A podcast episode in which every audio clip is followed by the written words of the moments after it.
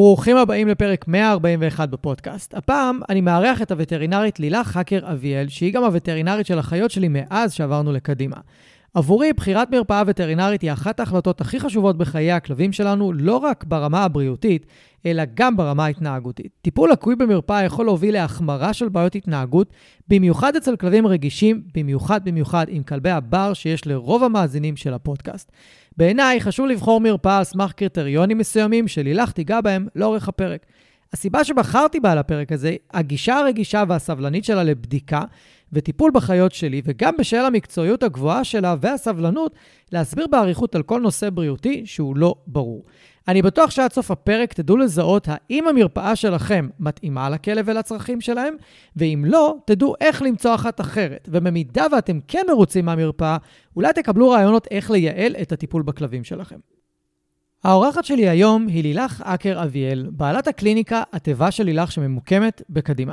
לילך היא בוגרת לימודי רפואה וטרינרית מטעם האוניברסיטה העברית בירושלים ובית הספר לרפואה וטרינרית על שם קורט בישראל כבר משנת 2008. לילך משתדלת להקפיד על עבודה רגישה מול בעלי חיים, וזו אחת הסיבות העיקריות שביקשתי ממנה לבוא ולהתראיין ולהתארח. פתיח קצר ואנחנו מתחילים.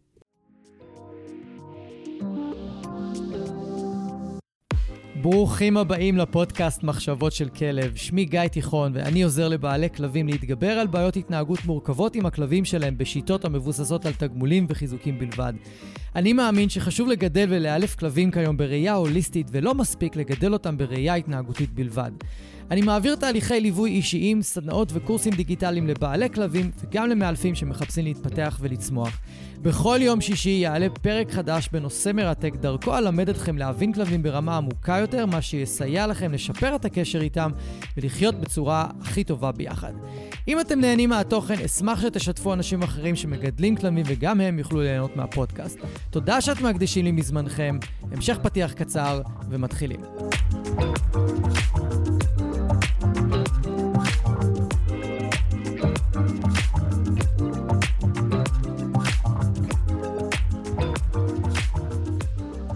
ברוכה הבאה, לילך.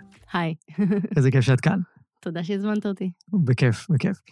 Uh, הסיבה העיקרית שרציתי לארח אותך לפרק הזה, uh, אגב, אנחנו גם נמצאים באולפן, אנחנו מקליטים ככה, יש וידאו גם, למי שרוצה לראות אותנו בווידאו ביוטיוב, בכיף, אפשר לראות אותנו גם uh, שם הפעם. Uh, הסיבה שרציתי לארח אותך היא כי uh, יש לך רגישות שאת מטפלת ב, בחיות, שאת מטפלת בכלבים שלי, בחתולים שלי, ש... היא לא נמצאת אצל כל וטרינר ווטרינר, ואני חושב שזה משהו שלא הרבה בעלי כלבים מודעים אליו, שיש חשיבות מאוד גבוהה לרגישות של הווטרינר, לרגישות של האיש מקצוע שמטפל בכלב. ובפעם הראשונה שהבאתי אלייך את רוני, כלבה דמנטית, בת 17, בקושי מתפקדת, בקושי זזה, נלחצת נורא בקלות מדברים. את, מבלי שאמרתי לך שום דבר, את מיד זזת באיטיות, ברגישות, ניגשת אליה לאט-לאט, ממש. זאת אומרת, לא הייתי צריך להגיד לך, כמו שיצא לי לא מעט פעמים, להגיד לווטרינר, רגע, לווטרינרים יותר לאט, יותר בזהירות, בואו נעשה את זה יותר באיטיות, אולי נטפל על הרצפה, בכלל לא הייתי צריך להגיד לך. אפילו לא ביקשת ממני להרים אותה לשולחן. ואני חושב שהנושא הזה ספציפית הוא מאוד מאוד משמעותי, והוא לא במודעות מספיק של בעלי כלבים, אני חושב שגם אצל הרבה וטרינרים. שיש חשיבות ל, לרגישות הזאת של, של וטרינר כלפי, אה, כלפי החיה שהוא מטפל בה, או היא מטפלת בה. ו... אז אני אתחיל מהשאלה הזאת. למה, לי זה ברור, כאילו, למה, למה יש חשיבות. למה מבחינתך יש את החשיבות? למה זה כל כך חשוב? כאילו, איפה זה, איך, מה ההסתכלות שלך על זה? אז אה, גם בעיניי זה מאוד חשוב, obviously, mm-hmm. וחלק מזה באמת אה, מודע וחלק מזה לא מודע. אני חושבת שהאישיות של הבן אדם מאוד מכתיבה את אופן הפעולה שלו. Mm-hmm. ואנחנו אנשים שונים ומתנהגים באופן שונה אחד לשני. אז זה א'.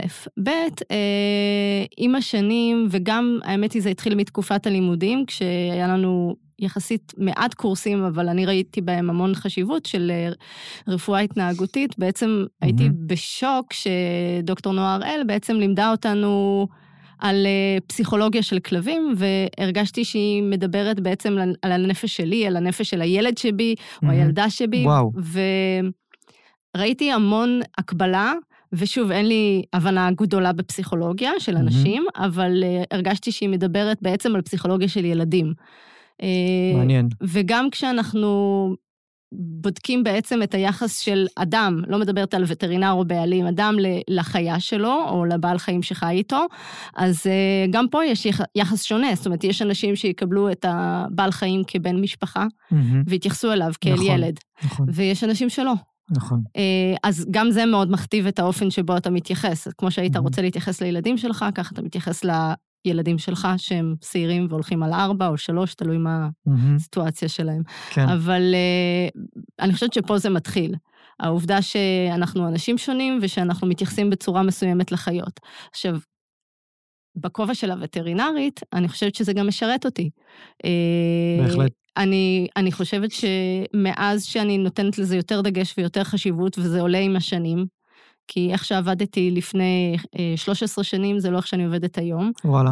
אמ, הייתי שמה דגשים על מקומות אחרים. אולי פעם היה לי יותר חשוב אה, באמת אה, לעבוד מהר ולתקתק ולהרשים את ה... אולי אדם שאני עובדת אצלו, או להרשים mm-hmm. את הלקוח בידיעות שלי, והיום, שאתה במקום כאילו יותר בטוח, ואתה מבין ש, שאתה עושה עבודה טובה בסך הכל כל השנים, אז, mm-hmm. אז אתה יכול רגע להתרכז במי שעומד מולך ואיך הוא מרגיש. Mm-hmm. כשאני אומרת מי שעומד מולך, אז שניים עומדים מולי. עומדת mm-hmm. מולי החיה ועומד מולי האדם שבא עם החיה, שניהם מרגישים, וגם נכון. אני מרגישה. נכון. ולפעמים גם הרגש שלי מכתיב את האופן שבו אני פועלת. אז חייבים לתת מקום לרגש ול, ולאופן התנהלות, ואיך שאתה מתייחס לחיה, לאדם, וגם איך שמתייחסים אליי בחזרה. אמ, אם אני רגישה כלפי החיה, היא רגישה אליי בחזרה. נכון. אני לא ננשכתי. Hmm. אני ננשכתי פעם אחת, אני שיקרתי עכשיו, ננשכתי פעם אחת. זה הוציא מהפודקאסט. אה, וזה, בלי שמות היה פינצ'ר. אה, ו... ושוב, בפעם נוספת ננשכתי לפני שהייתי וטרינרית, שהייתי עוזרת וטרינר, ועזרתי להחזיק כלבים, שעשו להם דברים לא נעימים. כן. אז אה, שוב, אני יודעת מה החיה מרגישה, אני יודעת מה אני עושה לה, אה, והיום אני גם יודעת לקרוא את הסימנים, ויודעת להקשיב לאנשים ולמה שהם מבקשים או אומרים לי לגבי החיה, וזה משרת אותי, זה משרת את החיה, ואנחנו מצליחים לעבוד יותר טוב ביחד. מעולה, מעולה, זה מדהים, כי את אה, העלית פה שני דברים שאני רוצה להתייחס אליהם. הראשון, קודם כל הזכרת את נועה הראל, את דוקטור נועה הראל, היא ודוקטור תמר עמית התארחו כאן בפודקאסט mm-hmm. על נושא של וטרינריה התנהגותית. מזמין אתכם לגשת להקשיב. זה בעצם פרק שמסביר על איך טיפול תרופתי יכול לסייע לכלבים בטיפול בבעיות התנהגות. פרק מרתק. ו... אז זה יפה שהזכרת אותה, כי באמת, אני יודע שהפעילות ש... שלה, אני לא יודע גם אם תמר בתוך הפעילות הזאת, אבל היא כן להביא כמה שיותר מהידע הזה לווטרינרים. לגמרי. כן. זה, ש... זה שתיהם. Mm-hmm. זה לגמרי כן, שתיהם. מעולה. הם עשו הרצאות, הם הזמינו וטרינרים אליהן למרפאה. מעולה. אני נכחתי בהרצאה כזאת, מעולה. שנקראת uh, ביקור ללא פחד, שבו הם ממש נתנו טיפים mm-hmm. uh, איך לעבוד עם כלבים וחתולים, mm-hmm. ועל מה לשים דגש, והדברים האלה נמצאים אצלי בניילונית. מעולה. ולפני שמגיעה אליי חיה רגישה, אני כל פעם מרעננת את הזיכרון, ואתה יודע, יש דברים שהם אינטואיטיביים ויש דברים mm-hmm. שהם לא. לגמרי. וזה שמה, זה כלים אה, לכלבים ולח... ולחתולים חרדתיים. חתולים אפילו עוד יותר. ממש. עוד יותר. עשה ולא תעשה. כן. אם אנחנו כן. מדברים על ההבדל של לפני 13 שנה והיום. כן, על זה רציתי לשאול. אז mm. אה, אם אני זוכרת את עצמי בעבר, יש את הכלוב אה, הנהדר הזה, ה squeezer. במרכאות, שנקרא squeeze. לא יכול לסבול אותו. ממש, זה היה נהדר במרכאות, כי עבדתי המון שנים בצורה עצמאית, עם פחות ידע בתחום. כן. אה, והוא שירת אותי, אבל עשיתי עוול. זאת אומרת, לא היה לי נעים ממה שאני עושה לחיה על מנת לטפל בה. כן. אז היום אני יודעת שיש דרכים אחרות, ואני אשתמש בהן. כשאין ברירה, וזה סכנה, ואתה לא נכון. לא רוצה להיפצע, ואתה חייב לתת איזשהו טיפול, אז אתה תשתמש בו. אבל אני יכולה להגיד ממש בגאווה שהוא היום עומד ימים, אם לא שבועות, ללא שימוש. אה, הוא משמש שם באמת במקרי חירום. כן. זה איזשהו אמצעי אבטחה, כמו מחסום. זה אמצעי אבטחה וזה לא אמצעי עבודה. זה השוני סתם כנקודה. מעולה. אני יכול להעיד שבאתי עם יוקו ועוזי, שני הגורי חתולים שלי, בהתחלה זה היה עם יוקו כי הוא... איך קוראים למחלה הזאת? קליצ'י? וירוס קליצ'י. כן, בא איתו, בא עם הלשון. שם חמוד, קליצ'י. זה נשמע חמוד. לא נשמע מזיק. לא. אבל הוא לא הצליח לאכול. אז באמת הייתה שם, יש, אני מכיר את השיטה של העיטוף עם המגבת, ספציפית לחתולים, ובאמת הכל נעשה בצורה מאוד איטית ומאוד הדרגתית, וגם איך שאת ניגשת, ניגשת לפה שלו כדי לפתוח לו את הפה, אז באמת ניסית לעשות את זה בצורה שהיא הכי, תעורר הכי פחות התנגדות מצידו. עכשיו, אני שנים, כל טיפול בנוגה היה עם סקוויזר, כי היא הייתה מרשעת בטיפולים. אבל לומר את האמת, אף פעם לא ניסינו את הגישה שאת מדברת עליה. אני לא הכרתי אותה. הפעם הראשונה שאני שמעתי על טיפול וטרינרי כמו שאת מתארת עכשיו, הוא כשאני לא זוכר מי אמר לי וחשף אותי לדוקטור סופיה ין. שמעת עליה פעם? Mm-hmm. היא כבר לא איתנו, היא כבר לא בחיים לצערי.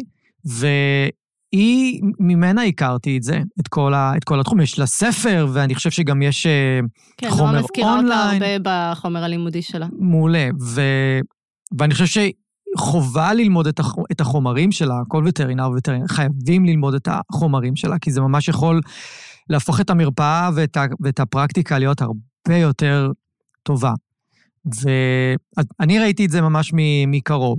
עכשיו, מה, מה השתנה אצלך? אמרת שלפני 13 שנה עבדת אחרת. אז את יכולה לתת דוגמאות לגבי כלבים? מה היית עושה שהיום, נגיד, את לא עושה בכלל, או משהו בסגנון? זה לא שאני לא עושה בכלל, אבל אני הרבה יותר בוחרת את מה שאני עושה ולמי אני עושה. Mm-hmm. ו... ואני שמה בעצם סדרי עדיפות.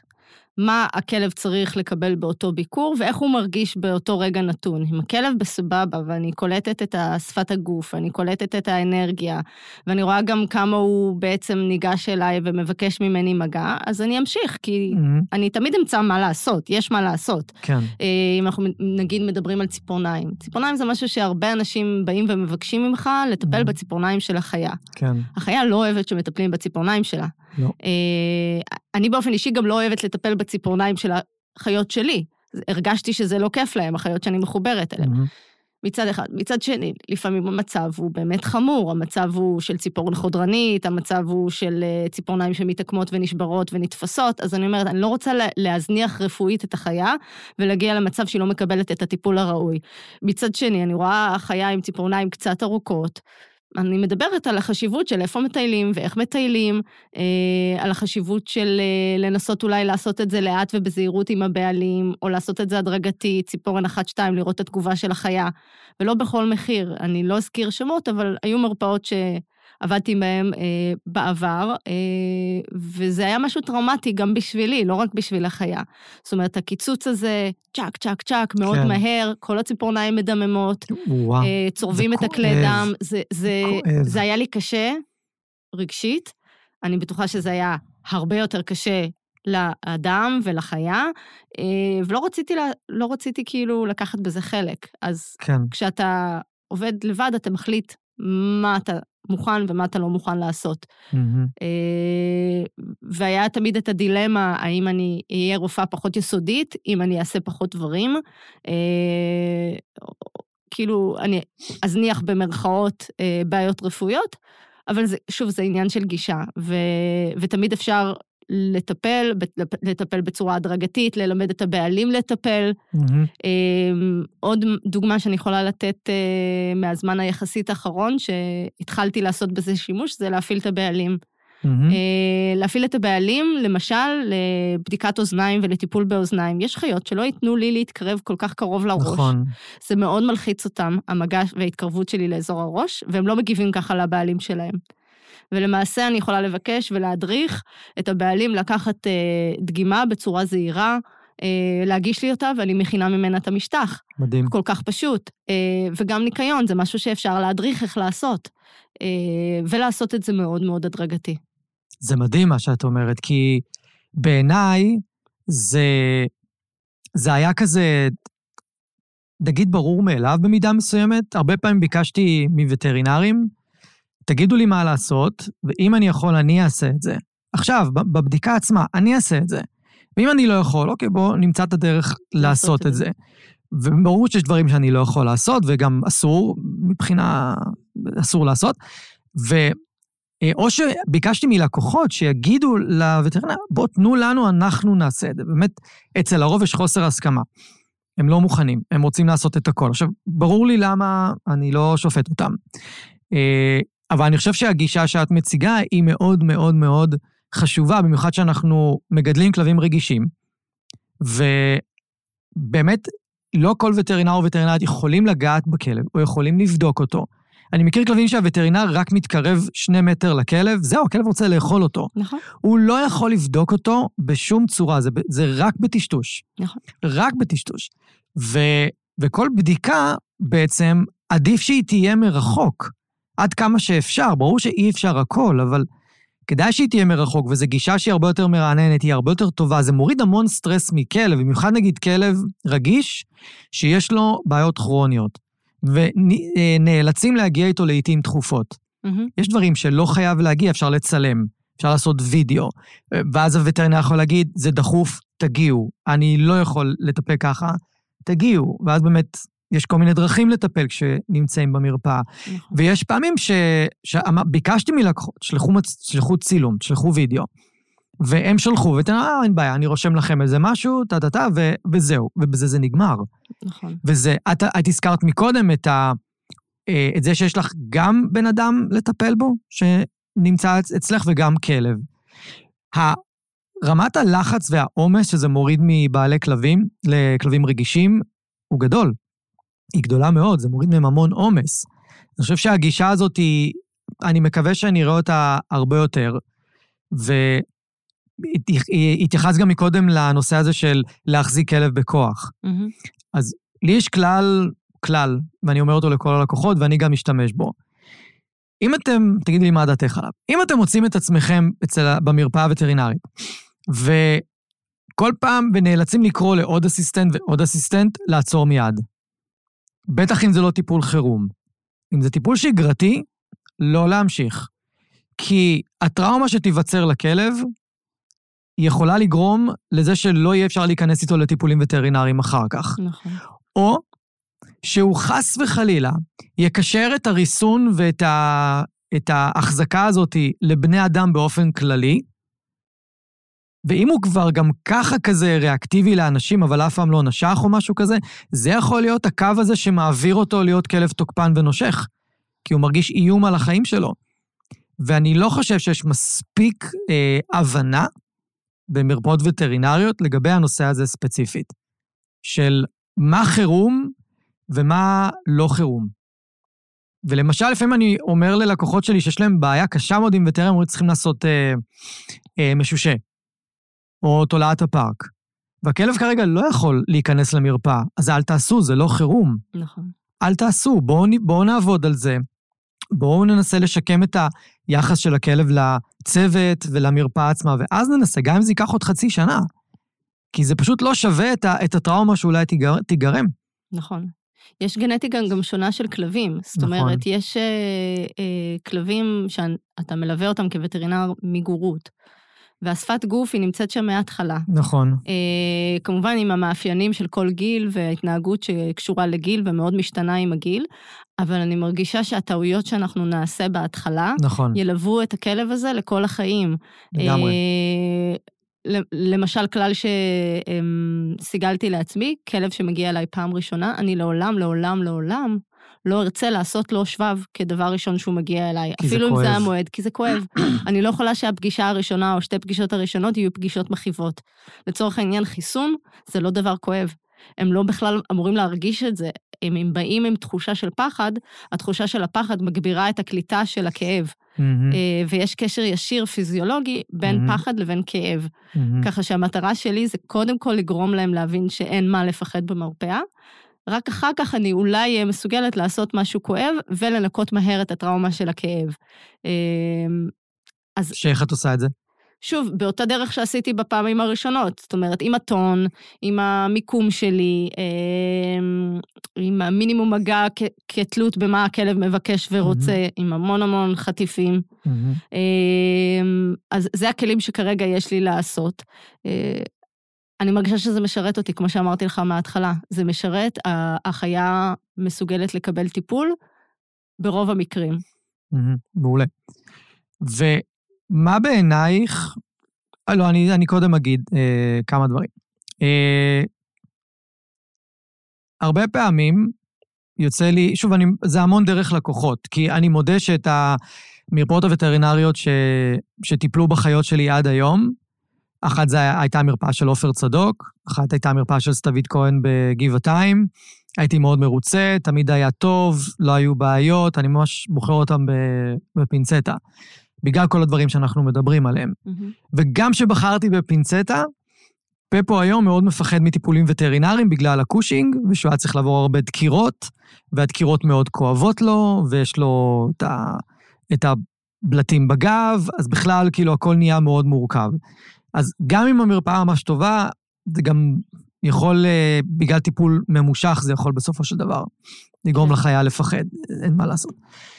ואחד הדברים שאני הכי מקפיד עליהם, זה שהווטרינרים שאני עובד איתם, הם מתשאלים אותי. ממש, הם בודקים ושואלים, ו- ובודקים אפילו חודשים אחורה כל מיני דברים. הנה דוגמה קטנה. פפו לפני כמה שבועות השתתק ברגליים האחוריות, פתאום איבד שם אה, כוח וממש השתתק לכמה ימים. והייתי איתו בחירום אחד, אני לא אגיד את השם, ששם כמעט ולא היה תשאול, אבל פשוט לא הייתה לי ברירה, כי החירום של חוות דעת שהוא מצוין היה תפוס, ולא רציתי לנסוע רחוק, אז נכנסתי לשם. ובקושי היה תשאול. אבל כשנכנסתי לחוות דעת יום אחרי זה, שהתפנה עליי מקום, או יומם אחרי זה, אני עמדתי שם חצי שעה לתשאול. רק לתשאול על כל ההיסטוריה של פפו, כדי שהם באמת יוכלו לדעת איך לטפל בו בצורה הכי טובה. ו... וזה משהו שאני מאוד מקפיד. עכשיו, אנחנו בשיחות איתנו, גם את אמרת שיש חשיבות מאוד גבוהה לזה. אני אשמח שתסבירי. הבסיס לרפואה טובה זה תשאול. זאת אומרת, mm-hmm. היסטוריה ובדיקה גופנית נותן לנו 80% מה... דיאגנוזה מהאבחנה. זה משהו שמלמדים את זה בבית ספר לווטרינריה, mm-hmm. זה משהו שמקפידים עליו, וזה משהו שנחרט לי בזיכרון. הרבה דברים למדתי, חלק גם שכחתי, mm-hmm. אבל את זה לא. אה, אני חושבת, שוב, גם כשאתה מסתכל על אה, פנימאים ומומחים ואנשים באמת שהשקיעו את השנים הנוספות בלהתמקצע ולהוסיף עוד ידע ל, לידע שרוכשים בשבע שנות הלימודים, אתה רואה שהתשאול והפסקה של ההיסטוריה, היא יכולה להיות פסקה מאוד מאוד ארוכה. היא נותנת המון מידע, נכון. המון כיוונים, אה, המון מחשבות, המון אפשרויות מבדלות. אה, זה, זה רפואה נכונה, אין, אין דרך אחרת להציג את זה. אם אנחנו לא מתשאלים אה, כמו שצריך, אנחנו מפספסים דברים. אז זה מבחינתך ההבדל בין מרפאה יסודית לבין נגיד מרפאה שהיא תהיה פחות יסודית? לגמרי. או, אני כאילו... חושבת שחשוב התישול, בין אם זה נעשה בשיחה או נעשה בטופס ייעודי, זאת אומרת לפעמים בגלל עומס במרפאה או רצון של הווטרינר או וטרינרית המטפל, אה, ניתן טופס שבעצם שואל את הלקוח הרבה שאלות בזמן שהוא ממתין או אפילו נשלח לו הביתה לפני הפגישה, זה אחלה בעיניי. זה מראה על אה, מקצועיות, יסודיות, אה, וזה חלק, מה, חלק מהרפואה. אי אפשר בלעדי זה. מעולה. ומה מבחינתך שאת אה, רוצה לטפל באיזושהי חיה? אוקיי, נגיד, אנחנו מדברים פה על כלבים, נגיד כלבים, אבל זה באמת לא כזה משנה, גם המון מהמאזינים יש להם גם חתולים, anyway. אה, כשאת מתחילה לטפל, אז מה עובר לך בראש כשאת מסתכלת על הכלב, ואיך את בוחרת איך לגשת, מה לעשות? זאת אומרת, את יכולה כאילו כזה להכניס אותנו לראש שלך, במה עובר לך בראש? אז זה מתחיל קודם כל כלב חדש שאני לא מכירה, באמת בתשאול. זאת אומרת, אה, יש, אני, נוח לי מאוד בהתכתבויות, כי לפעמים אנחנו שוכחים דברים שנאמרים לנו בשיחת טלפון, אני אוהבת לחזור לחומר שהוא נמצא לי מול העיניים בכתב, אה, אז אני מתכתבת עם הלקוח, ואני מבקשת ומתעקשת ודורשת את התיק הרפואי. וכשאני מקבלת את התיק הרפואי אני מסכמת אותו. אני לא אגיד לך כמה זמן לפעמים בחלק מהמקרים זה לוקח לי, דורש ממני זמן, זמן כן. עבודה שאני לא מתוגמלת עליו, אבל הוא, הוא חשוב, אי אפשר לוותר עליו. כן. הסיכום הזה, שבין אם זה חצי שעה או שעה שאני יושבת על תיק רפואי של חיה אה, ועושה סדר בבלגן, אצלי, אחר כך מכוון אותי בעצם לדברים שאני צריכה להתמקד עליהם, כי לפעמים השיחה הולכת למלא מקומות, ולאנשים יש מלא שאלות, ויש גם אנשים, לא חסר, אה, עם הפרעות קשב וריכוז, כן. שמדברים איתך על כל מה שצריך, חוץ ממה שצריך, וצריך למקד אותם, אז זה עוזר. אז זה, זה השלב הראשון. וברגע שהתיק כבר מוכן ומסודר, ואני רואה את הסיכום מול העיניים, אז השלב השני זה לראות את החיה שנכנסת למרפאה. זאת אומרת, לראות איך היא נכנסת למרפאה.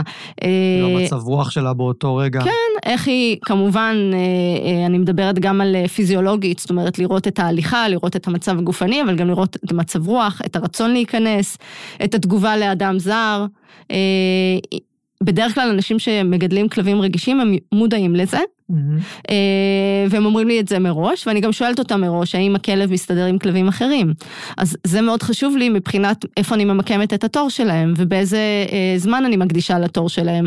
זאת אומרת, אה, אנשים עם כלבים רגישים שלא יכולים לפגוש כלבים אחרים, כי זה יגרום להם למתח, והמתח הזה לא ישרת את התהליך של הבדיקה, כי mm-hmm. הכלב בעצם מתנהג בצורה לחוצה, הוא לא יתנהג בצורה הטבעית לו, שגם ככה להיכנס למרפאה זה מלחיץ אותו מלכתחילה. אז אני אמקם אותם בשעות שהן יותר אה, ריקות, ואני אקח מרווחים של אה, זמן, או אני אפילו אבקש מאנשים להמתין באוטו אם צריך, למרות שהמיקום של המרפאה שלי גם מאפשר להיות ברחוב, אבל יש אנשים שמעדיפים להמתין באוטו. Mm-hmm. שזה טוב הרבה פעמים להמתין באוטו. כן, כן. בטח אם הכלב אוהב את האוטו. כן, אז, אז, אז זה כל מיני, זאת אומרת, להיכנס רק בהודעה מראש, להגיע רק אה, אה, אה, עם הודעה טלפונית, mm-hmm. אין כזה דבר אצלי במרפאה, כאילו זה כלל שלי, mm-hmm. אין כזה דבר שאנשים פשוט מגיעים כן. עם החיה שלהם. זה, זה לא טוב לי, וזה גם לא טוב לחיה. כן. אה, אז הכל מתוכנן, ולכל דבר יש מטרה. אה, ואם זה כלבים שהם אה, רגועים ומסתדרים, אז גם יכולים להיות אחד אחרי השני. חתולים, אני מעדיפה שלא ימתינו בזמן שיש אה, בחדר המתנה גם כלבים. כן. הם ייכנסו ללחץ היסטרי מהזמן המתנה הזה. נכון. או להנחות את הבעלים לכסות את הכלוב ולהפחית. אנשים לא מבינים שהם מלחיצים את החיה שלהם לפעמים. הרבה פעמים כן, לפעמים לא. אין להם ברירה. הרבה, ברוב המקרים. נכון. כי את נוגעת כאן בנקודה שעבורי היא נקודה מאוד uh, מתסכלת. כי רוב המרפאות הווטרינריות הן בנויות כמו קופת חולים. זאת אומרת, יש חדר המתנה וחדר טיפולים. והרבה פעמים החדר המתנה הוא קטן מאוד. בטח במרפאות תל אביביות, רמת גן, הוא קטן. ועמוס. וזהו, ועמוס. זאת אומרת, אחיות מגיעות, ו... וזה לא סיטואציה שהיא, שהיא בריאה. נגיד, כמו שנתת דוגמה של חתול. איך חתול יכול באמת לחכות בחדר המתנה עם כלבים שמסתכלים עליו? הוא נכנס לקבל את הטיפול, אם הוא יהיה סופר לחוץ, ברור. אבל אם יביאו אותו מהאוטו ישר לחדר טיפולים, כי זה מתוזמן יותר טוב, זה יהיה הרבה יותר, אה, סביר שהטיפול יהיה יותר טוב. עכשיו, הרבה פעמים מרפאות, יש כמה וטרינרים, אז כולם מקבלים. זאת אומרת, זה לא רק וטרינר או וטרינרית נכון. אחת שמקבלים, יש כמה. פי שתיים אנשים. פי שתיים אנשים בחדר המתנה. עכשיו, אם זו מרפאה תל אביבית אה, טיפוסית, אז, זה, וזה כלב רגיש שאולי קשה לו, אז זה לא שיש כל כך איפה להסתובב בחוץ. אין כל כך. נכון, אבל היום מתכננים מרפאות אחרת. אני יכולה להגיד שיש לזה יותר מודעות, ואני מכירה מרפאות ש... שיש להן בעצם קבלת חתולים וקבלת כלבים. אה, אפשר לעשות את זה על ידי מחיצה, אפשר לחלק חדר קטן לשני חדרים קטנטנים, זאת אומרת, mm-hmm. יש לזה פתרונות, וברמה הפרקטית אה, שלי, שלמשל יש חדר לא מאוד קטן, אבל בלי הפרדה, אז ההנחיות, מה שאתה מנחה את האנשים, איפה למקם את הכלוב, עם הפנים לאיזשהו קיר ולא הפנים החוצה. כיסוי הכלוב, מינימום זמן המתנה, mm-hmm. או המתנה באוטו, עושה mm-hmm. את ההבדל בין חתול שאפשר לנהל אה, פגישה ובדיקה, לבין חתול שרק רוצה לעוף מהמרפאה ויעשה את הכל בשביל לעשות את זה. כל הדברים האלה הם, הם בעיניי נורא חשובים. כי למשל, אחת הפעמים שהייתי אצלך, אני לא זוכר עם מי הייתי, נראה לי אולי, נראה לי עם יוקו, אז גם באה מעיין קופר, שגם התארחה בפודקאסט, והיא באה עם אה, ג'סי, mm-hmm. הכלבה שלה. ואת אמרת לה, אנחנו אומרת מסיימים, ת, תמשיכי להסתובב. Mm-hmm. זאת אומרת, אל תשבי בחדר הקבלה, כי חתול עומד לצאת. Mm-hmm. אוקיי? ואז זה היה מאוד, משמע, זה מאוד משמעותי. הדברים הקטנים האלה, המודעות הזאת היא, היא מאוד משמעותית, ונורא חשוב לי שנביא את זה לאנשים, שהם יבינו שזה יכול להתנהל גם אחרת. ושאם וטרינר או וטרינר לא משתפים פעולה, ויש יותר מדי, נגיד, תנאים או מגבלות, שככה המרפאה עובדת, זה האופציה היחידה, אין יותר, אין דרך אחרת לקבל את החיה או לטפל בה, אז הם צריכים לשקול שהמרפאה הזאת לא מתאימה להם. זה לא אומר שהווטרינר לא טוב. יכולה להיות מרפאה סופר מקצועית. בדיוק. אבל היא לא מתאימה לקבל אולי כלב רגיש, כי הם עובדים בעומסים גבוהים, הם עובדים בסרט נע כזה, אוקיי? וזה לא מתאים. ואנחנו צריכים עם כלב רגיש, לא, כמו שאת אמרת, לבוא כשהמרפאה יותר שקטה. אני לא יכול להיכנס עם לול על מרפאה עמוסה, בכלבים ובאנשים. שום סיכוי. זה ייגמר רע מאוד. ולא רק ייגמר רע מאוד, אני לא אוכל לטפל בה אצל הווטרינר. היא תיכנס אליו בכזה, בכזו היסטריה, שחבל הזמן שלי, הזמן שלה, הזמן שלהם, מיותר לגמרי. המרפאה שניתחה אותה ברגל, דרך העמותה, בהתנדבות, שיצאה מהפנסיון, בשיחת טלפון אמרתי להם, תגידו לי לבוא בשעות, שבדרך כלל אין אף אחד. באמת, בכל הפעמים שהייתי שם, איזה שלוש פעמים איתה, גם על שלשולים, גם על הניתוח, גם על הביקורת וזה, ראינו אולי שני אנשים וכלב אחד. ולא הייתה לי בעיה לנהל את זה. לא הייתה לי בעיה לצאת איתה החוצה, להסתובב איתה, להמתין, אני לא המתנתי איתה בחדר קבלה, יצאנו החוצה. אה, אמנם זה רעננה, זה יותר נחמד, ויש רחוב שקט, אבל זה שינה לחלוטין את איך שהיא נכנסה לקבל טיפול. כן. היא לא יכולה בכיף לצאת על הבן אדם. היא עשתה את זה בחירום לאנשים שטיפלו בה. וכשאני נמצא שם ומחזיק אותה ועושים את הכל בצורה מאוד איטית, ואני מלכתחילה מוריד את הלחץ שלה לפני, ה, לפני הטיפול, היא בסדר. כי היא מבינה שלא, שלא באים לפגוע בה. אני, אני, משער שכן, כאילו... היא סומכת עליך, היא מבינה שלא באים כן. לפגוע בה. כשעובדים לאט, מבחינתי זה כמו להסביר לילד. אנחנו מסבירים לו מה אנחנו הולכים לעשות. Uh, אתה לא פשוט בא ו... תסלח לי על המילה, תוקע זריקה. זה, אבל עושים את זה המון, וטרינרים. עושים את זה, אבל... אבל... הם מפתיעים את הכלב, ב, במפ... כאילו, נותנים לו להסתובב בחדר, אני ראיתי את זה בעיניים, הייתי בשוק שהווטרינר עשה את זה. נתן לכלב להסתובב בחדר, ופשוט בלי הכנה מוקדמת, טאק. והכלב נבהל והסתכל על הווטרינר במבט כזה של, תנסה אותי עוד פעם. באמת, וזה כלב שנשך אנשים. תנסה אותי עוד פעם. סביר להניח שהכלב הזה, בפעם הבאה שהוא יראה את הווטרינר, זהו, הוא לא יסתובב בחדר עכשיו ב... הוא לא, הוא יהיה עם עיניים על הווטרינר, כי הוא דקר אותו. אז אם אנחנו מסתכלים על פעם ועכשיו, mm-hmm. על... אה, אז אני בתור ילדה, ש... Mm-hmm. שוב, בתור ילד יש לך פחות מודעות לדברים, לקחתי את, ה, אה, את הכלבה שלי לווטרינר עירוני לקבל חיסון כלבת. אנחנו לא נזכיר שמות ולא נזכיר איזה עיר, אבל אני הרגשתי שהוא נתן לה אגרוף. ככה נראתה הזריקה. כלבה קטנה, כלבה של עשרה קילו. לא הבנתי למה צריך לתת לה אגרוף. מה, את ממש תנועה חזקה. בום, תנועה של אגרוף. ככה להחזיק את המחט וככה לחסן. יש בזה משהו מאוד אה, אלים. זה השאיר עליי חותם. כן. אני, אני לא חושבת שאני מסוגלת, גם אם יידרש ממני, לעשות הזרקה בצורה כזאת. אז, אז שוב, אז הזריקות שאני נותנת לכלבים הן מאוד מאוד איטיות. אז יש שאומרו למה, למה להאריך את הסבל, אבל המחשבה שלי זה באמת לא להפתיע. הם מרגישים את המגע, הוא לא בהכרח נעים, לפעמים הוא לא מורגש, אבל הם מרגישים את המגע, הם מבינים, אוקיי, זה הנקודה, הבנתי את הנקודה. Mm-hmm. אני אחכה שהנקודה תסתיים, ובזה זה נגמר. כן. וגם חסרה המון, בנקודה הזאת, חסרה המון הנחיה ל... לבעלי כלבים, מה לעשות בבית. יש תרגילים מאוד פשוטים שאפשר לעשות ואפשר לשפר, אבל זה כבר נושא אחר, וגם דיברתי, האמת שמעיין ואני דיברנו בפרק שנקרא אימת הווטרינרי. איך אה, לקחת כלבים שממש מפחדים. כן, אבל... כמו רופא שיניים. כן, זה מנקודת מבט של הכלב. אה, ושם דיברנו על המון טיפים ורעיונות מה לעשות בבית בשביל לשפר את, ה, את המצב הזה. אז אני אשמח שניתן כרגע אה, דגשים בצורה יותר ברורה לאיך אנשים מזהים שהמרפאה מתאימה להם. אז אני, אני, אני אתן, אני אחדד כמה דברים שכבר אמרנו. אחד, זה אם יש כלב רגיש, לוודא שאפשר לבוא בשעות שקטות, לוודא שיש מקום להסתובב עם הכלב, מקום לחנות עם האוטו, אולי להישאר עם הכלב בתוך האוטו. אורך הפגישה.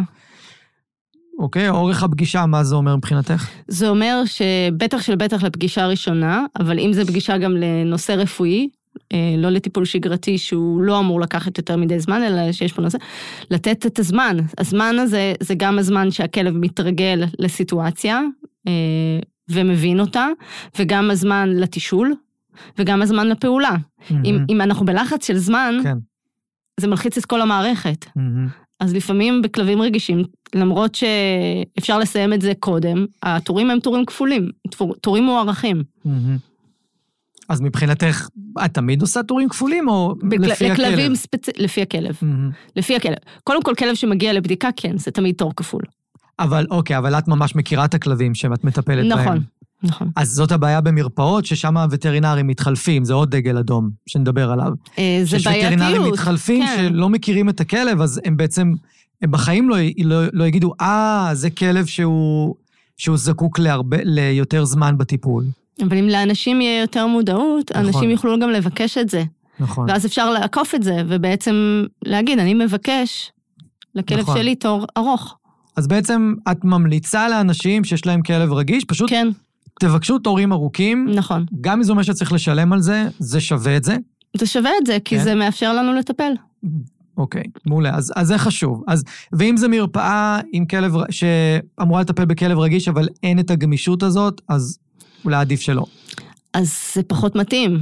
Mm-hmm. צריך לחפש מה שיש לו התאמה מקסימלית לצרכים שלנו, כמו שאנחנו בוחרים mm-hmm. איפה לגור עם כלב שהוא רגיש. יש כלבים שלא יסתדרו בתוך העיר, mm-hmm. ויש כלבים שכן, אז צריך לראות מה הכלב יכול ומה אני יכול. כן, אפילו שאני חושב על זה, אה, במיוחד אם זה כלב שלא מגיע הרבה לווטרינר, לטיפולים, אפילו שווה לפעמים למצוא מרפאה שהיא מחוץ לעיר, מרפאה טובה. שהיא מחוץ לעיר, לא כזה רחוק. כן. מי שגר בתל אביב, קריית אונו, הרבה יותר שקטה מבחינת אה, אזורים. זאת אופציה, למי שרוצה. זה אופציה, זה אופציה לקשר את זה אולי לאיזשהו טיול כיפי לפני או אחרי, mm-hmm. שהכלב לא יקשר גם את הנסיעה למרפאה כנסיעה mm-hmm. למרפאה. לגמרי. אה. אוקיי, okay. מה עוד מבחינתך יכולים, זאת אומרת, יעזור לאנשים להחליט האם מרפאה מתאימה להם? אמ, שוב, חשוב לברר באמת אה, מי מטפל במרפאה. אה, mm-hmm. אם זה בן אדם אחד, אם יש אנשים נוספים. אמ, קשה לי כאילו לענות קצת על השאלה הזאת, כי אני, אני, כשאני בחרתי את המרפאה שלי בתור אה, ילדה, mm-hmm. אז אני הוקסמתי מהווטרינר שטיפל, אני כאילו באמת, זה היה אלוהים בשבילי. Mm-hmm. אבל לא הסתכלתי על כל הדברים שאנחנו מדברים עליהם היום. ובראייה אחורה, בדיעבד עם העיניים שלך היום? בראייה אחורה, תמיד יש מקום להשתפר. כן, אבל השאלה היא מבחינתך זה כאילו ענה על הקריטריונים שלך היום, או על רובם, או על חלק? זה ענה... סתם מסקרנות. כן, זו שאלה טובה.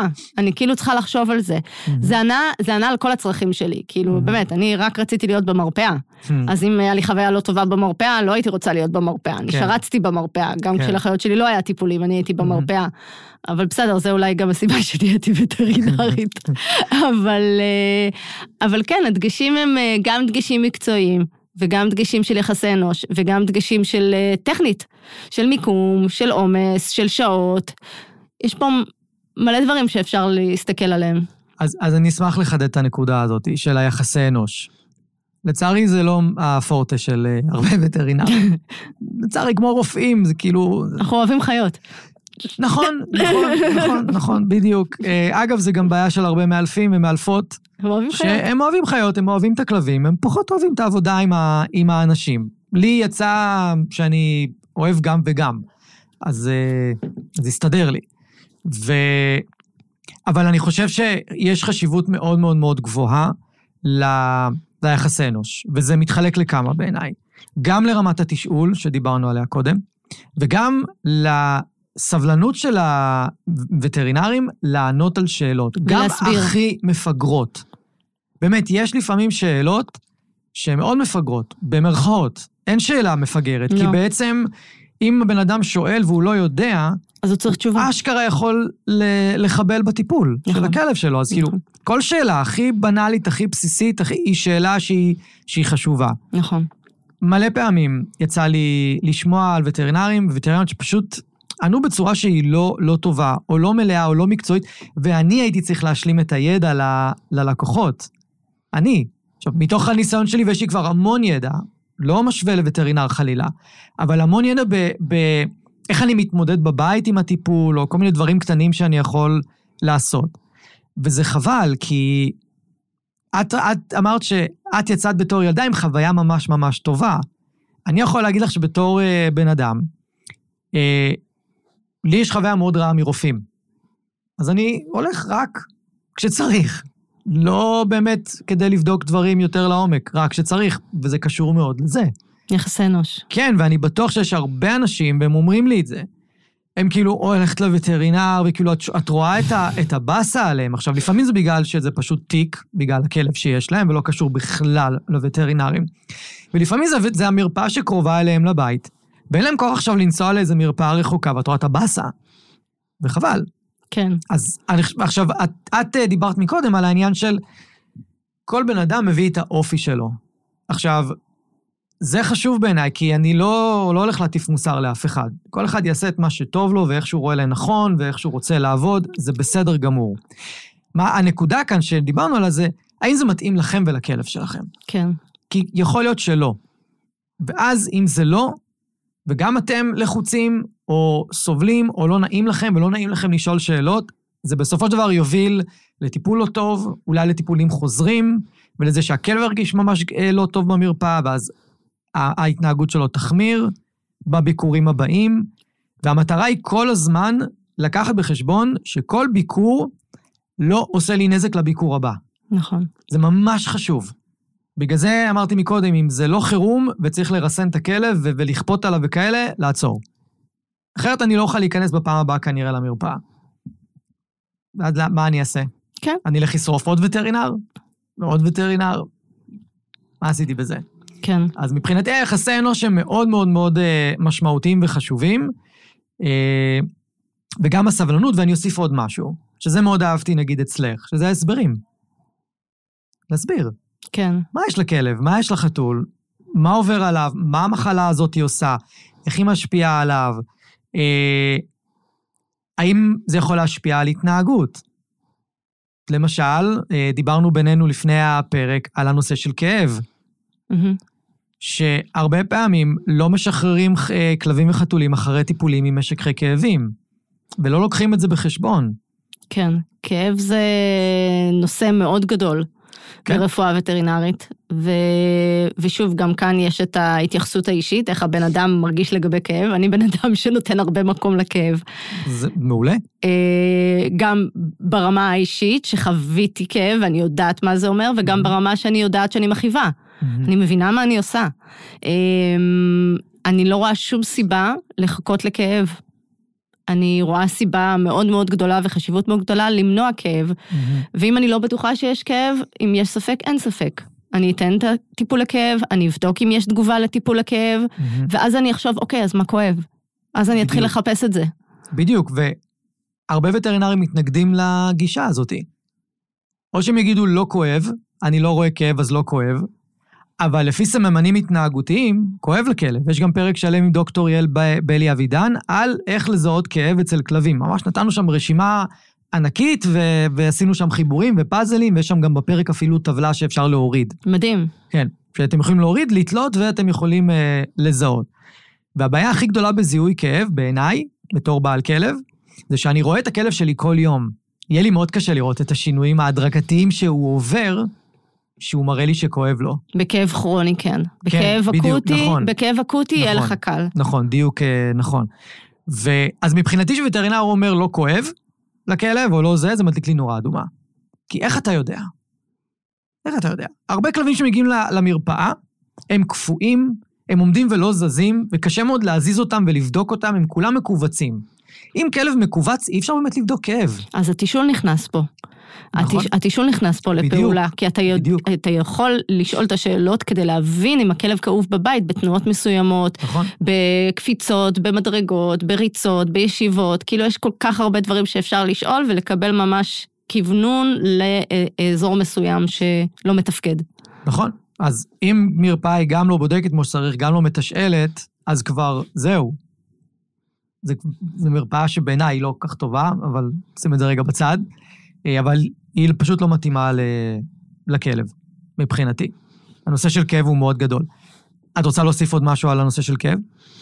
אמ, היום יש גם כל כך הרבה מגוון, בטח נגעתם בזה בשיחה שעשיתם, אבל אני אומרת, המגוון אפשרויות לטיפול בכאב, זאת אומרת, פעם היינו כל כך מוגבלים בתרופות ובסוגי התרופות שאפשר לתת, mm-hmm. ובתופעות לוואי של התרופות. Mm-hmm. ואולי גם באיזשהו מבון, מקום לפעמים אנשים מגיעים גם עם התנגדות לתרופות mm-hmm. או להשפעות שלהם. והיום אנחנו באמת יודעים להשתמש במגוון של תרופות עם מינימום תופעות לוואי, בשילובים של תרופות שמפחיתות את התופעות לוואי, בתרופות שמטפלות בתופעות לוואי, כאילו אפשר להתמודד עם הכל. אבל להתמודד עם הכאב זה לא פייר. כאילו לא להתמודד עם הכאב. לגמרי, אה, וגם במיוחד היום, שנכנס הנושא של טיפול בכאב עם שמן CBD, שלרוני למשל מאוד עזר. ולפעמים אי אפשר לתת משככי כאבים על בסיס קבוע, כי זה יכול לגרום לכל מיני בעיות. כן. אה, בכליות, בקיבה, במערכת העיכול, אולקוסים וכאלה, ממש יכול להיות בעיה. וה-CBD, נתתי ל-CBD 15 אחוז, טבעי, לא סינתטי, הוא עזר לנו למשך תקופה יפה מאוד, עד שהיא התחילה להתרגל אליו, וכשהעליתי מינונים זה פשוט אה, שפך גמר אותה. אותה. כן, גמר אותה, לא זזה יומיים. אז התחלנו לעבור, אז, אז שם קצת הפסקתי, אבל אז שהגענו אלייך עברנו ל... למשהו אחר. ואתמול הייתי בהרצאה mm-hmm. מאוד מעניינת על טיפול ביולוגי חדש. של מי? של דוקטור אלון לוי מחברת זואטיס, mm-hmm. שהסביר לנו על תרופה חדשה שנכנסה לארץ, mm-hmm. שמתחילה להיות יותר ויותר בשימוש, של טיפול ביולוגי שניתן בזריקה חודשית נגד כאב. מגניב. למעשה ממש נוגדנים שנקשרים לחלבון ופשוט מטפל בכאב, בלי תופעות לוואי, בלי קשר לתפקוד כלייתי וכבד, דברים מדהימים. חדשות טובות. חדשות ממש טובות. לחתולים ולכלבים, אז אני ממש אשמח להתחיל לעבוד עם זה. מעולה. אז מבחינת אה, איך לבדוק שהמרפאה מתאימה, אז דיברנו על מיקום, דיברנו על משך זמן הטיפול. עומס. עומס, אה, תשאול, דיברנו על אה, סבלנות ויחסי אנוש של הווטרינר, וטרינרית. עכשיו אנחנו אומרים לבדוק שזה מתאים לכם. נכון. מרפאה שתתאים לבן אדם אחד, יחסי אנוש זה משהו אחר. של שניים, יש דינמיקה בדיוק. בין שניים, לא תמיד דינמיקה שעובדת לאחד תעבוד לאחר. עוד דוגמה שאני יכולה לתת היא למשל אה, באיזשהו יום שהיה אצלי עומס, ואני מרפאה קטנה של בן אדם אחד, אני יכולה לטפל רק בבן אדם אחד, בחיה אחת, כן. אני לא יכולה לטפל ביותר מזה. כן. אה, ובעצם אה, הגיע מקרה חירום שהיה צריך לקבל טיפול, לא יכולתי לשחרר אותו, אבל יש עוד אנשים שצריכים לקבל טיפול. אז למעשה שמתי אותו בחדר נפרד, עם הפרדה, הוצאתי אותו מחדר, מדלת אחורית, זאת אומרת, אפשר למצוא פתרונות כדי שבאמת אה, יהיה טוב לכולם. אז צריך רק לחשוב יצירתי ואפשר למצוא פתרונות. לגמרי, גם לרוב המרפאות יש אה, חדר אחורי. אחורית. כן. יציאה אחורית כזאת. מחסן, הושבתי בן אדם במחסן. לא נורא, קצת קלסטרופובי, אבל אפשרי. אם אני בא עם כלב רגיל ואת אומרת לי, שב במחסן, זה יישאר אותו רגוע, והוא ייכנס יותר רגוע לזה, מבחינתי תושיב איתי בשירותים. אין לי בעיה, באמת. זה עוד חדר. או, כן. העלית רעיון. אין לי בעיה. אני לא... אני רוצה שיהיה טיפול מהיר, כי החיה רגועה, ואנחנו הולכים ללכת הביתה מהר, מבלי ש... אה, או חיפפנו בטיפול, או שכאילו ויתרנו על דברים. Mm-hmm. לא אכפת לי שמה אותי, באמת. כי אני, דרך לקוחות, לא אני אישית, דרך לקוחות נחוויתי המון המון פעמים עם טיפולים לא מתאימים, או עם תנאים לא מתאימים, שאחר כך היינו צריכים אה, לשקם את הכלב מהטראומה שהוא עבר שם, אצל הווטרינר. ובכלל, הטראומה היא לא הייתה קשורה למשהו שקרה לו ביום-יום. הוא פשוט חווה כמות סטרס כל כך גבוהה בטיפול, שזה השפיע על כל ההתנהגות שלו עכשיו חמישה ימים, שבוע קדימה. כי סטרס הרי זה, זה אה, הורמון הסטרס הוא, אה, האורך חיים שלו בגוף הוא, הוא ארוך. לא כמו אדרנלין שיכול לעלות ולרדת. הוא ארוך, זה יכול, יש כלבים שזה ימים, יש כלבים שזה שבועות. כן. ואין לנו שליטה על זה. אנחנו יכולים לעזור לו לצבור פחות סטרס, אבל הגוף מפנה את זה לבד, וזה כל כך כל כך חשוב להבין את זה. שאם קרה משהו מלחיץ במקום אחד, לאו דווקא וטרינר, יכול להיות בכל מיני מקומות, אפילו בגינת כלבים, עם איזה אורח שבא, או אולי לקחנו את הכלב למשפחה והיו שם יותר מדי אנשים והוא חווה סטרס מאוד גדול, זה ישפיע אחר כך כמה ימים קדימה אולי. ואפשר להימנע מזה. ואיפה שזה לא חירום, אני אמנע מזה. לכן אני אומר, תושיבי אותי איפה שאת רוצה, רק כדי להימנע מזה. כן. מעולה. אה, אנחנו לקראת סיום. יש משהו שאת רוצה להוסיף, איזה נושא שחשוב לך להציף עבור אנשים, בעלי כלבים, שחשוב שהם ידעו? Um, לא, אני חושבת שאתה נגעת ברוב הנקודות שרציתי לדבר עליהן. Um, אני חושבת שגם לאנשים שאני נתקלת בהם בשנים האחרונות יש הרבה יותר מודעות. לגמרי. אה, זה לא קשור אליי, אבל באמת בחירת, ה... בחירת הליווי ההתנהגותי לכלבים שצריכים ליווי התנהגותי וכלבים רגישים צריכים ליווי התנהגותי מקצועי. אנשים באים אליי המון בשאלות התנהגותיות. Mm-hmm. אני, אני לא למדתי את התחום. זאת אומרת, הקורסים ש, שעשיתי בעזרה תרופתית הם לא, הם לא להכשיר את ההתנהלות של, שלך עם הכלב בבית. Mm-hmm.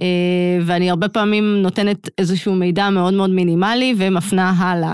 אז זאת אומרת, אנשים צריכים להבין שלגדל כלב, כמו שבראש שלך הפנטזיה של לגדל כלב, אה, במיוחד אם הווטרינר מפנה תשומת ליבך לכל מיני סימנים mm-hmm. ש, שהוא קולט בבדיקה, אז להתחיל את הליווי מגיל צעיר. כן.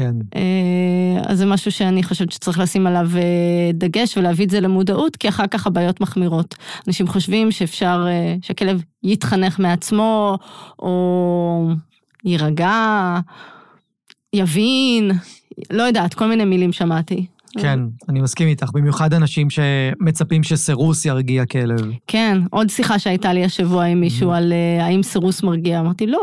א', עושים עבודה עם הכלב, ב', הכלב מתבגר. זאת אומרת, יש שינוי התנהגותי, זה לא בגלל הסירוס. Mm-hmm. Uh, אז הסירוס הוא לא ניתוח לשינוי אופי. כן. הוא אך ורק עושה את הפעולה של uh, הסרת הטסטוסטרון, זהו. נכון, לגמרי. אה, ועכשיו עול, עול, עלתה לי שאלה כזה לסיום.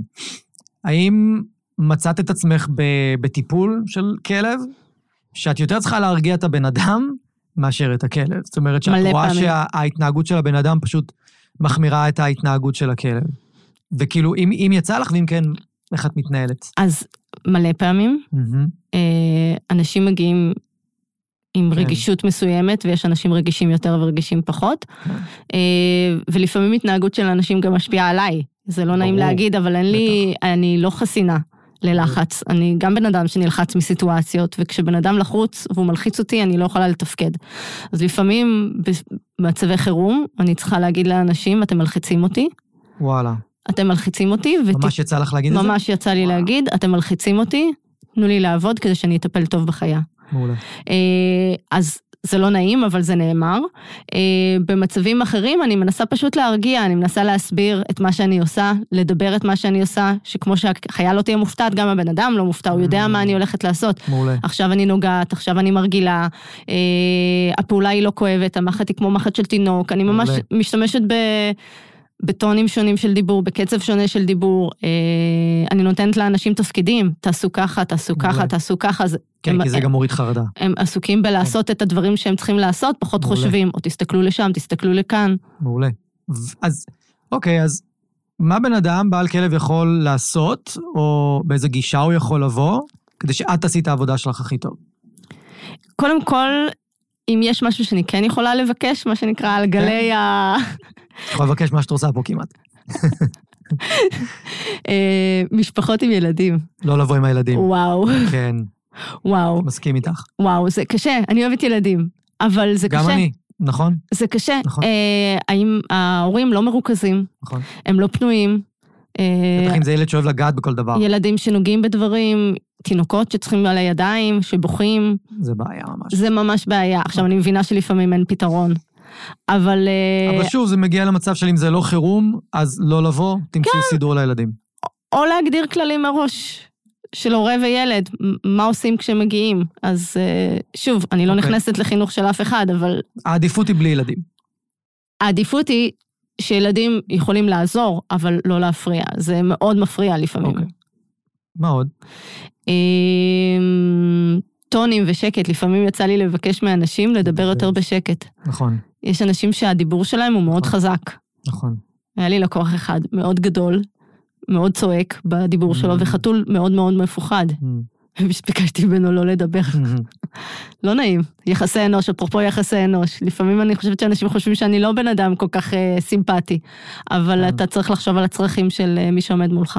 נכון, אבל הכל עניין של איך מסבירים ומה אומרים, ו... כן. ולפעמים את יכולה להסביר את זה בצורה הכי נעימה והכי נחמדה שיכולה להיות, זה גם תלוי איך הבן אדם לוקח את זה. יכול נכון, להיות שזה נוגע באיזה נקודה רגישה ולא קשור לאיך שאמרת את זה. כן. גם קורה. או קולות של ש, ש, לחתול. הם לא Mm. טובים. לגמרי. אוקיי, אז אה, טון דיבור, אה, עדיפות בלי ילדים, או שיהיה להם תפקיד, ויש עוד דברים שאנשים יכולים לעשות כדי לעזור לך לעשות עבודה יותר טוב. אמ, לתת לי את כל המידע, לדבר, לשאול. שוב, אנשים יודעים את זה, אני אומרת את זה, כאילו, צריך לדבר.